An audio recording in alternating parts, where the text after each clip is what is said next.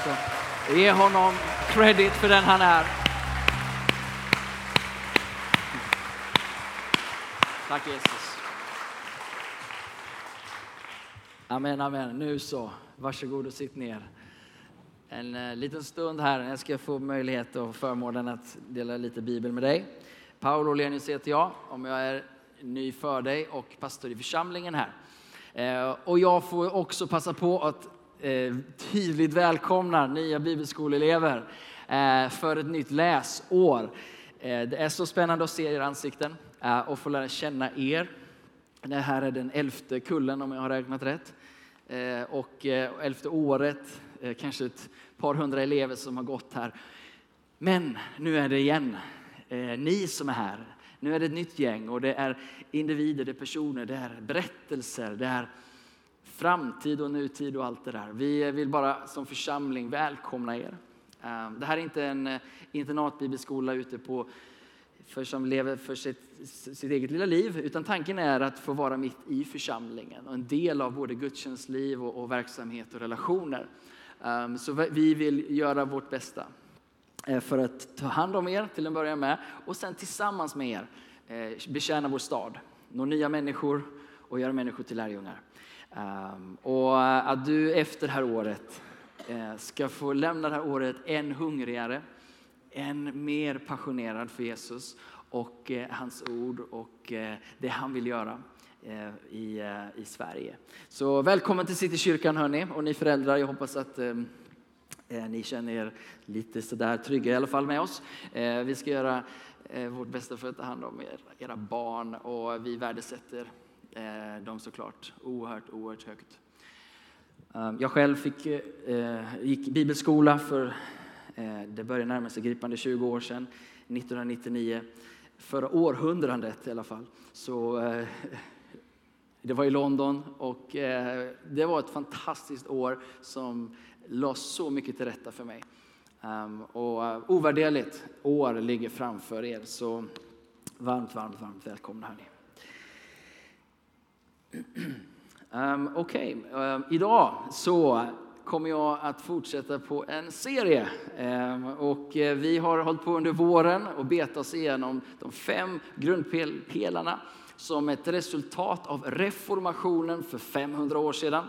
Um, så eh, har man summerat upp det här i fem pelare eller grundbultar i det som hjälper oss att bevara eller förklara det kristna budskapets kärna och stjärna, som det så eh, trevligt heter, nämligen Jesus är ju det. Eh, men för att komma fram till det så har vi de här fem och vi har gått igenom nåden, tron alena, Kristus alena och är nu på sola, sola scriptura, skriften alena. Eh, och det var ju lämpligt tänkte jag då utifrån att vi har bibelskolestart idag. Eh, så eh, jag tänkte att vi kör, kör på det. Eh, varför skriften bör vara det som alena är rättesnöret och hjälper oss att komma fram till rättesnöret i vår tro. Och för det finns fler anledningar, eller det finns många anledningar till att läsa Bibeln och den läses på många, många olika sätt och vis. Eh, ganska intressant rörelse i USA just nu är de kristna ateisterna. Eh, Ja, precis. Det, innan den här rörelsen så fanns det en annan. Det fanns en bok som hette, jag tror, Christian Atheist, eller något sånt där, som handlade om kristna som inte levde ut sin tro. Eh, den, den, kom för några år sedan. Men nu är det ganska intressant att man håller Bibelns budskap och lära väldigt, väldigt högt utan att tro på att det finns en gudomlig författare eller snarare någon som har legat bakom det här. Så man har tagit fram det kristna etiska eh, levernet och förståelsen eh, med Jesus som centrum. Eh, och man tycker det är fantastiskt. Det finns en som heter Jordan Peterson som har skrivit just en bok som heter Christian Atheism. Och det är en rörelse som är, och utifrån det så kan du studera Bibeln. För den är den bok och det som påverkat och lagt grunden för den kristna, nej för den västerländska eh, samhället mer än något annat. Ehm, du kan läsa den som en historisk bok eh, med, med en historisk dokumentation som är enaslående och, och finns inget liknande. Eh, man gör det på olika universitet, ibland försöker man plocka sönder det. Men det finns till exempel judiska forskare som inte är särskilt intresserade av Jesus och Messias. Men man läser de nytestamentliga texterna, speciellt Lukas evangelium, som väldigt, väldigt historiskt intressant. Så den kan du läsa Bibeln på det sättet. Eh, och naturligtvis för att förstå det kristna budskapet. Men när reformatorerna, eh, alltså Martin Luther och gänget, någonstans eh, lyfter fram det här, sola scriptura, då gör man det utifrån att det då finns mängd, eller framförallt en annan källa som vill dela den här platsen av vad som ger oss rättesnöret eller det som förklarar vad sant är. Och i den settingen, är ni med på lite historia först? Det blir någon trestegsraket idag. Idag lite så grundläggande. Eh, för att inkludera alla. Och sen har vi några viktiga pelare vi vill säga om Bibeln. Och så finns det någonting som jag har på mitt hjärta. Okej, okay, men det kommer sist. Okej? Okay. Men du vet, jag vill vara där borta. Men jag jag, läraren i mig säger jag måste först lägga grunden. Um, Okej, okay. um, så reformatorerna sa endast Bibeln därför att kyrkans egna tradition hade vuxit upp som en lika viktig eller viktigare auktoritet som bestämde vad vi skulle tro på. Reformatorerna säger så där kan vi inte ha det. Det måste vara Bibeln, det måste vara Guds ord som är det som har en särskild plats i förhållande till alla andra texter eller utgångspunkter. Och det där testas och prövas hela tiden och har gjort så sedan tidernas begynnelse. Om vi går till begynnelsen. Eh, så, ni såg titeln där innan, ni kan ju fundera på vad det kan betyda. Bibeln som ram eller fönster. Eh, det är det jag vill prata om egentligen. Eh, men ormen, nu är vi tillbaka i Edens lustgård som beskriver på djupet mänsklighetens problematik. Eh, här har vi ormen som var listigare än alla markens djur. Eh, I, alltså, djävulen i, i form av ett djur, eh, som i berättelsen här. Herren Gud hade gjort det så. Han sa till kvinnan, har Gud verkligen sagt att ni inte får äta av alla träd i lustgården? Har Gud verkligen sagt? Det är det första som händer, det är att Guds ord och det Gud säger eh, blir en diskussion kring och, och han vrider på det här lite och kvinnan svarar ormen riktigt, vi får äta från träden i lustgården.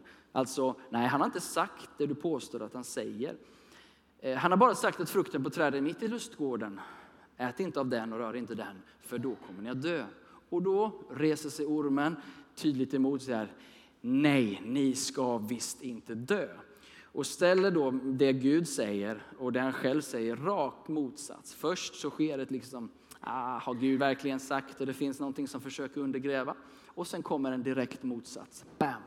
Men Gud vet att den dag ni äter av den kommer era ögon att öppnas och ni blir som Gud med kunskap om gott ord. Med andra ord att om ni följer Gud så är det någonting som Gud undanhåller er. Gud försöker begränsa er. Det är därför han har sagt det.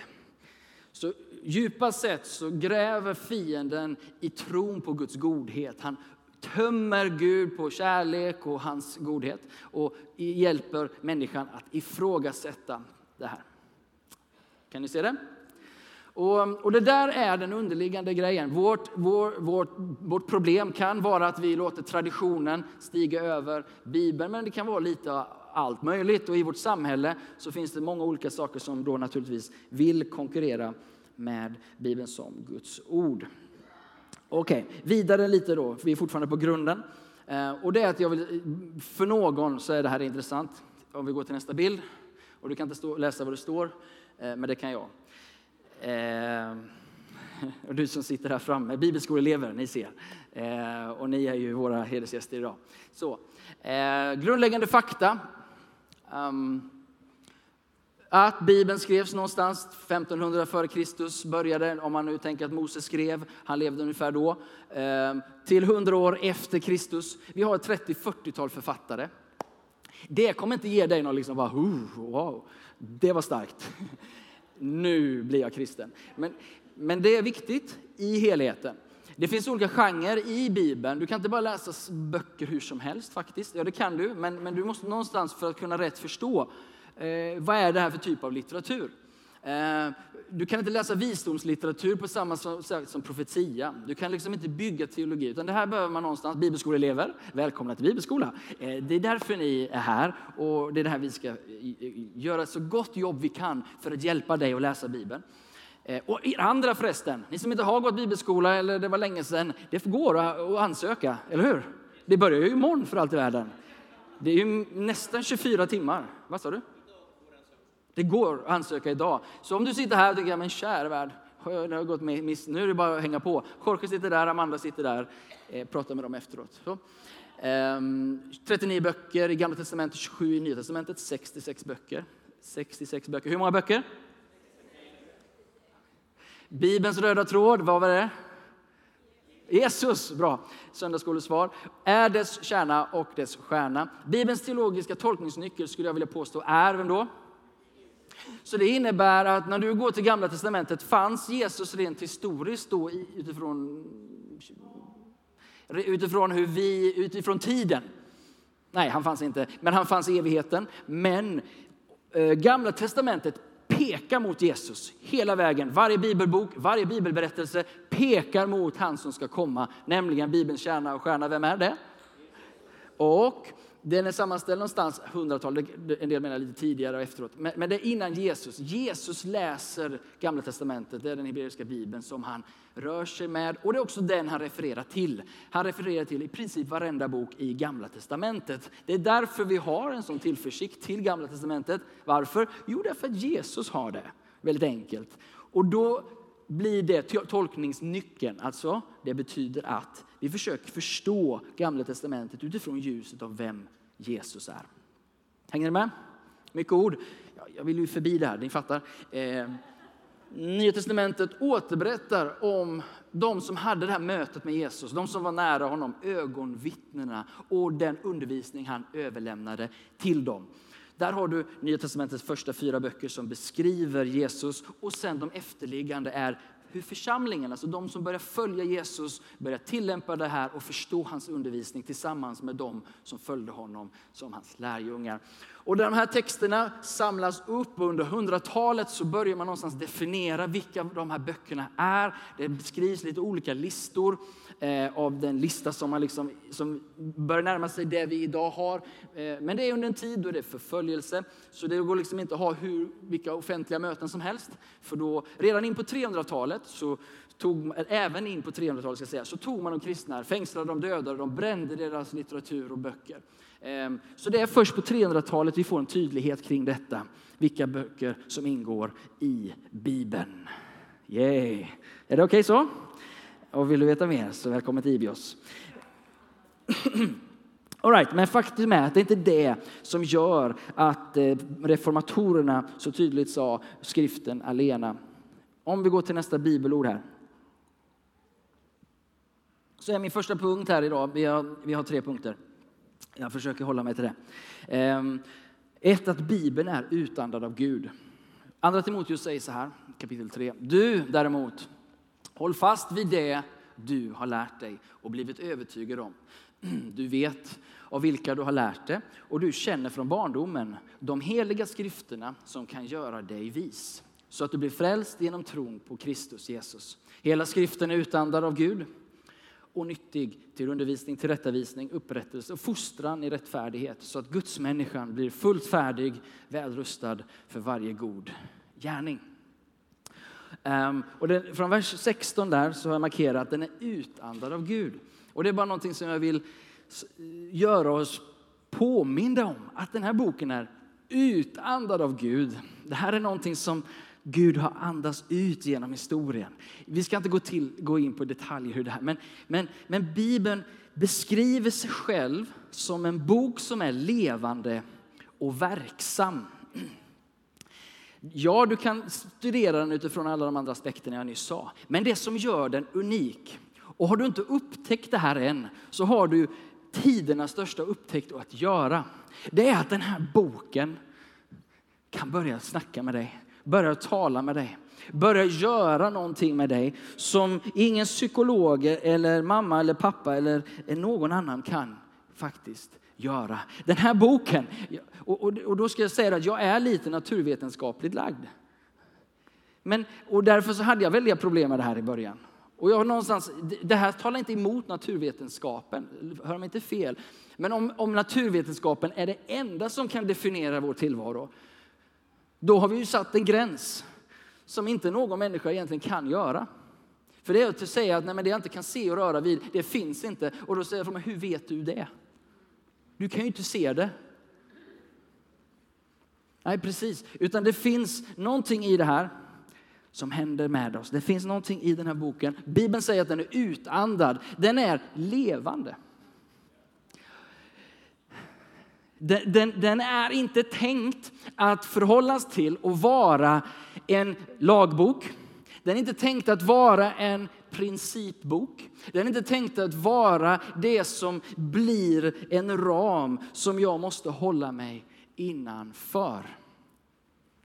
Och det är när vi kristna, skulle jag vilja säga, tar den här boken och gör våld på den och gör den till något annat än att vara utandad av Gud. Det vill säga att det är något dött. Att det inte har liv, utan att det är bokstav. Och någonting som ska följas, för annars åker vi dit. Den väldigt enkla, det är en väldigt djup analys med väldigt enkelt svar. Den, den lagiskheten, den får vi käka upp dagligen, kära kristna vänner. Jag berättade förra veckan, jag satt med, med, med en snubbe i bastun förra veckan efter träningen. Oj, vad jag fick käka upp. På grund av den prylen. Vad vi har tagit den här boken och dödat människor och slaktat människor, förtryckt människor. Medan Bibelns kärna är att sätta mänskligheten fri från förtryck. Bibelns kärna är att sätta mänskligheten fri från förtryck. Och vi har mage att ta den här boken som är levande, som är en person i centrum, som är Jesus, som säger hellre älska din fiende än att döda honom. Vänd hellre andra kinden till. Den Jesus är det som är centrum av denna levande bok och han sa att Guds ande är över mig enligt Jesajas profetia och han har smort mig att predika glädjens budskap för de fattiga frihet för de fångna, syn för de blinda och ge dem betryckta frihet. Därför kommer Guds ande över oss och över Jesus. Är ni med? Hur galet långt ifrån vi är i vissa avseenden. Och vi får käka upp det och vi får visa på något annat. Kyrkans förtryck av människor genom årtusendena eller 2000 år är bara eh, både pinsamt och skapar en självrannsakan. På vilket sätt och hur idag gör vi samma misstag? Vi ska inte bara tro att det är ett historiskt misstag. Är du med? Levande, den talar och den gör dig vis. Här säger den i vers 15, eh, andra Timoteusbrevet. Du känner från barndomen de heliga skrifterna som kan göra dig vis så att du blir frälst genom tron på Jesus Kristus. Bibeln kan göra det vis. Det finns lite kan där som, som är väldigt viktigt. För vi var, var inne på något annat. Du kan läsa Bibeln med helt fel tolkningsram, helt fel tolkningsgrund och därmed bli dess motsatt, liksom. alltså inte vis. Vad som händer med visheten, visheten fäster sig vid Jesus. Om vi kommer till den här för etiska riktlinjer så får du inte djupet. Om du kommer till den för historisk fakta så får du inte heller det. Men om du kommer till den öppen för vad Gud kan börja tala till dig genom den och visa dig hans värld och hans rike, då kan det börja forma dig till den du är skapad att vara. Vishet är inte detsamma som kunskap. För hade det varit det, då hade vi fortsatt att käkat vid det där kunskapens träd. Men det var inte kunskap vi behövde, utan det var vishet. Visheten är att kunna tillämpa kunskap i en given situation. Och visheten har ett namn. För visheten är inte bara principer som jag sa, lagar och regler, utan det är någon som vill leda dig i varje given situation. Hänger du med mig? Alltså, vad är den här boken vi önskar göra med dig? Den är att föra dig in i vishet så att du fäster ditt liv i Jesus. Fäster ditt och förankrar ditt liv i Gud, i en relation med honom genom Jesus. Är du med? Och den visheten är gömd i hans ord. Visheten är utandad av Gud och ges till den ödmjuke, den som lyssnar. Och visheten är inte formler och principer, för den är utandad och kan bara uppenbaras genom Anden. Det finns mycket mer att säga om det här. Jag tror inte riktigt att det kommer fram bara genom att läsa det. Men, men det, jag, det, jag, det, det jag vill in i nu då, för att, eh, sista tio minuterna här. Jakobs brev 1 och 19. Första Jakobs brev 1 och 19. Handlar om, handlar om Bibeln, handlar om ordet. Och där står det så här. Varje människa ska vara snar att höra. Ja, nu läser jag från vers 19. Vi kan hoppa över till vers 22 som står på skärmarna. Jakobs brev 1.22. Var ordets görare, inte bara dess hörare, annars bedrar ni er själva. Om någon är ordets hörare men inte dess görare liknar han en man som ser sitt ansikte i en spegel. Och när han har sett sig själv och gått sin väg glömmer han genast hur han såg ut.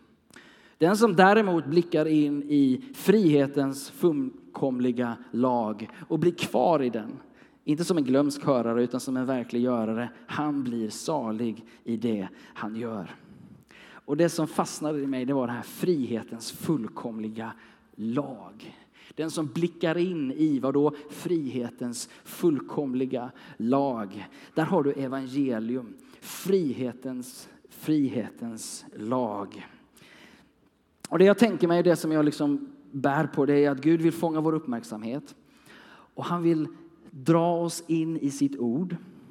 Eh, vi, har, eh, vi lever i en tid vi har så mycket olika röster. Vi har ormens röst och vi har våra egna röster och vi har lärt oss massa saker. Och allt det här ska vi försöka ta och väva ihop och förhålla oss till vår trädgård utifrån alla de här rösterna, utifrån allt det som är sagt. Ett bibelord till. Johannes 8 och 32 säger, sen ska jag sy ihop det här. Jesus sa till judarna som hade kommit till tro på honom. Om ni förblir i mitt ord är ni verkligen mina lärjungar och ni ska lära känna sanningen och sanningen ska göra er fria. Sanningen gör oss fria. Vad är det Gud gör och vad är det han vill göra? Han vill sätta oss fria. Han vill lyfta betrycket. Han vill ta bort förtrycket. Och det är i hans ord som vi lär känna sanningen och sanningen gör oss fria. Och det är som den här ramen då Se om jag får fram det här som jag tänker. Och det, för, för mitt, mitt, problem är, det som jag önskar att vi som bibelskola det här året ska få upptäcka, är ju inte Bibeln som en lagbok, är ju inte Bibeln som en ram. Som säger, här är det som jag vill att du ska hålla dig innanför. Och om du kommer utanför det här, då når det dig. Då är du inte längre i och under min godhet. Att vi har tolkat Bibeln på ett sådant sätt och så har vi kommit till världen och sagt att kom här. Kom in i min ram. Kom in i Guds ram för ditt liv liksom. Kom in så ska vi tala om för dig hur, hur du ska leva, och den där pedagogiken har slagit fullständigt bakut och tillbaka på oss och är en stark drivande faktor i hela sekulariseringen av vårt land. Att vi har velat stoppa in människor i en ram och därmed gjort Bibeln till en lagbok, principbok. Och jag skulle vilja att vi istället fick se Bibeln som ett fönster och börja blicka in i frihetens värld och börja se hur Gud ser på den här världen genom sin blick. Tänk att få fånga den här världen bara för ett ögonblick genom Guds ram och Guds bild. Som inte handlar om att lägga en ram och begränsa, utan se vad du kan göra. Se, här är Guds värld, här är Guds rike. Och Bibeln är just det verktyg, är just den platsen där Gud säger kom så ska jag måla för dig. Frihetens liv, kom så ska jag visa dig vad mitt rike kan få vara för dig. Kom till mig med vilket problem du än har och vilken situation du än möter. Låt mig få se på dig genom frihetens lag, Janne. Du sitter i en rullstol, men du är inte bunden för det. För frihetens lag säger att du är fri genom Jesus Kristus. Han kan, fienden kan sätta oss i vilket fängelse han än, men vi är fria. Och så länge vi förstår att vända oss till honom och i hans ord, genom ordet och anden så börjar han måla en ny bild över din framtid, över vad som är möjligt för ditt liv. Du är inte dömd, jag är inte dömd att återleva och återuppleva det som har varit. Utan han säger det finns en ny tid framöver. Det finns en tid i frihet min son. Det finns en tid utan förtryck. Det finns en tid och en möjlighet att leva, inte begränsad av ramen, men utanför ramen.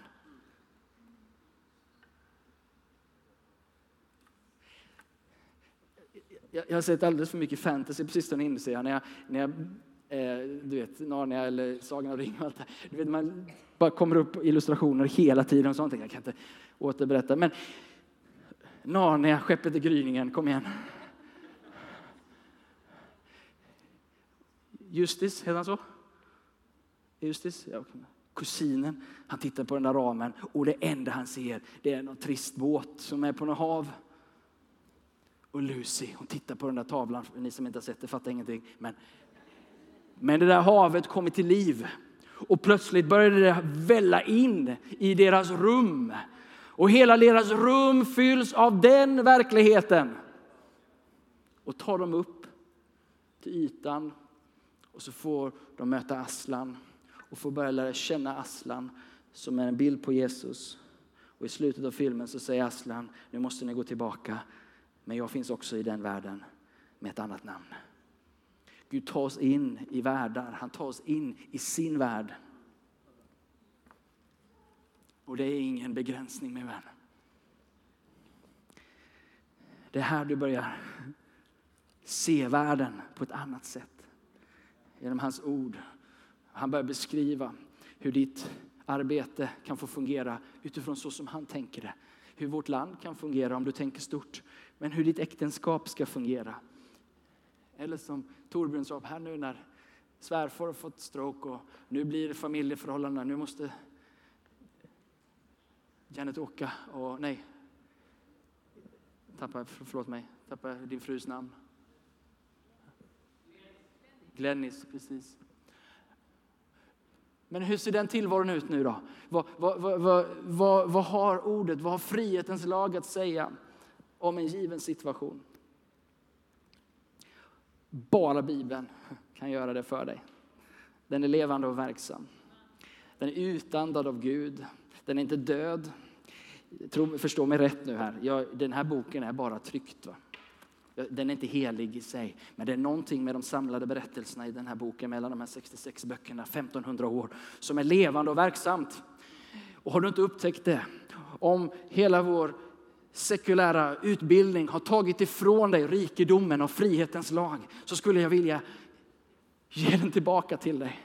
Jag skulle vilja återta den boken in i ditt liv, in i ditt arbetsliv, in i ditt familjeliv. För där har du frihet. Där har du sanning och sanning är lika med frihet. Förbli. Mina lärjungar, vad gör de? Jo, de förblir i mitt ord. Och ni ska lära känna sanningen. Och sanningen ska göra vad då? Sätta oss fria.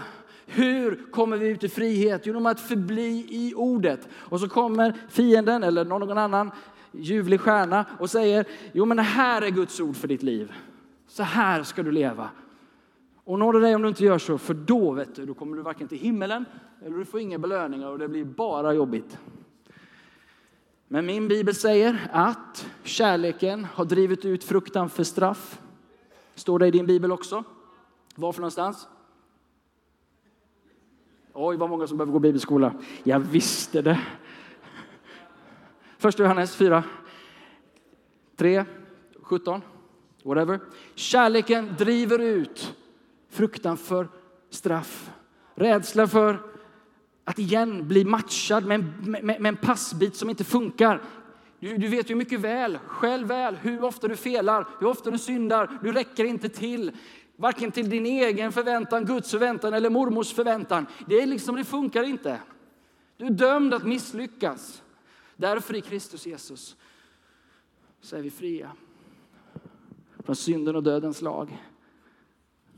Ramen. Och han har förvandlat ramen till en tavla eller ett fönster. Frihetens lag som vi får blicka in i. Det, det finns en liten sidotouch till det här. Eller liksom, eller, och det är att ibland så blir det en spegel också. Och det är lite otäckt. Ehm, men den spegeln är där för att ge oss självinsikt, för att förstå vem vi är. Och den bilden målar aldrig in oss i ett hörn eller lägger den här äh, usla ramen på oss.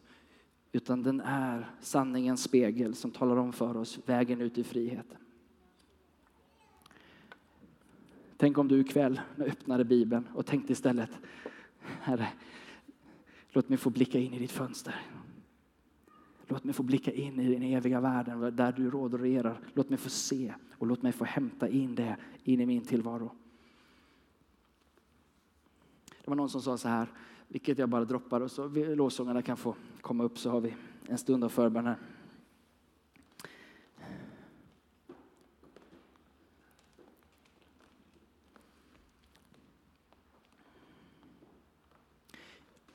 I Romarbrevet kapitel 12 och vers 2 så står det låt er inte anpassas efter den här världen utan låt er istället förvandlas genom sinnets förnyelse så att ni kan avgöra vad som är Guds vilja, vad som är gott och välbehagligt och behagar honom. Resan in i Bibeln handlar om att kunna urskilja vad som är gott och välbehagligt, vad som är Guds vilja. Och i Guds vilja, där är din frihet. Där är ditt liv, där är det överflöd. Där är du ditt bästa jag. Att låta hans ord få tala till dig. Därför så tillämpar jag ganska ofta den här grejen att jag läser Bibeln tills den talar till mig. Hur mycket och hur länge ska du läsa Bibeln? Jag vet inte. Men det viktiga är att du läser tills den talar till dig. För någonstans där förvandlas den här tavlan till ett upprört hav om du vill. Någonstans där kommer det till liv och du får tag i det som du behöver höra just nu. Och det är inte alltid det är bara tjo. Det kan vara utmanande naturligtvis. Speglingen är inte alltid bekväm. Läs den tills den talar till dig. För han vill tala till dig. Ja, men jag vet inte hur man gör. Förhållningssättet, okej okay, Gud, tala till mig. Jag, jag är öppen. Jag är inte här för att dissekera, jag är inte här för att ställa mig över boken. Just nu i alla fall. Det kan jag göra en annan gång. Om du behöver göra det, jag pratar gärna med dig. Men okej okay, Gud, börja tala till mig. Och heligande, jag behöver dig. Om det här kommer från dig, då behöver jag också din förklaring och din hjälp att förstå det här. Så börja tala till mig nu. Och så första kvällen du gör det, eller första morgonen, kanske det inte blir fyrverkerier. Inte alltid fyrverkerier, okej? Okay? Men fortsätt då. Ge inte uppe på en dag. Kom tillbaka nästa dag. Och nästa dag med samma förhållning. Det är farligt att lova saker, men jag vågar nästan det. Jag lovar att det kommer börja göra någonting med dig. Om du kommer med ett öppet hjärta. Om du kommer sökande.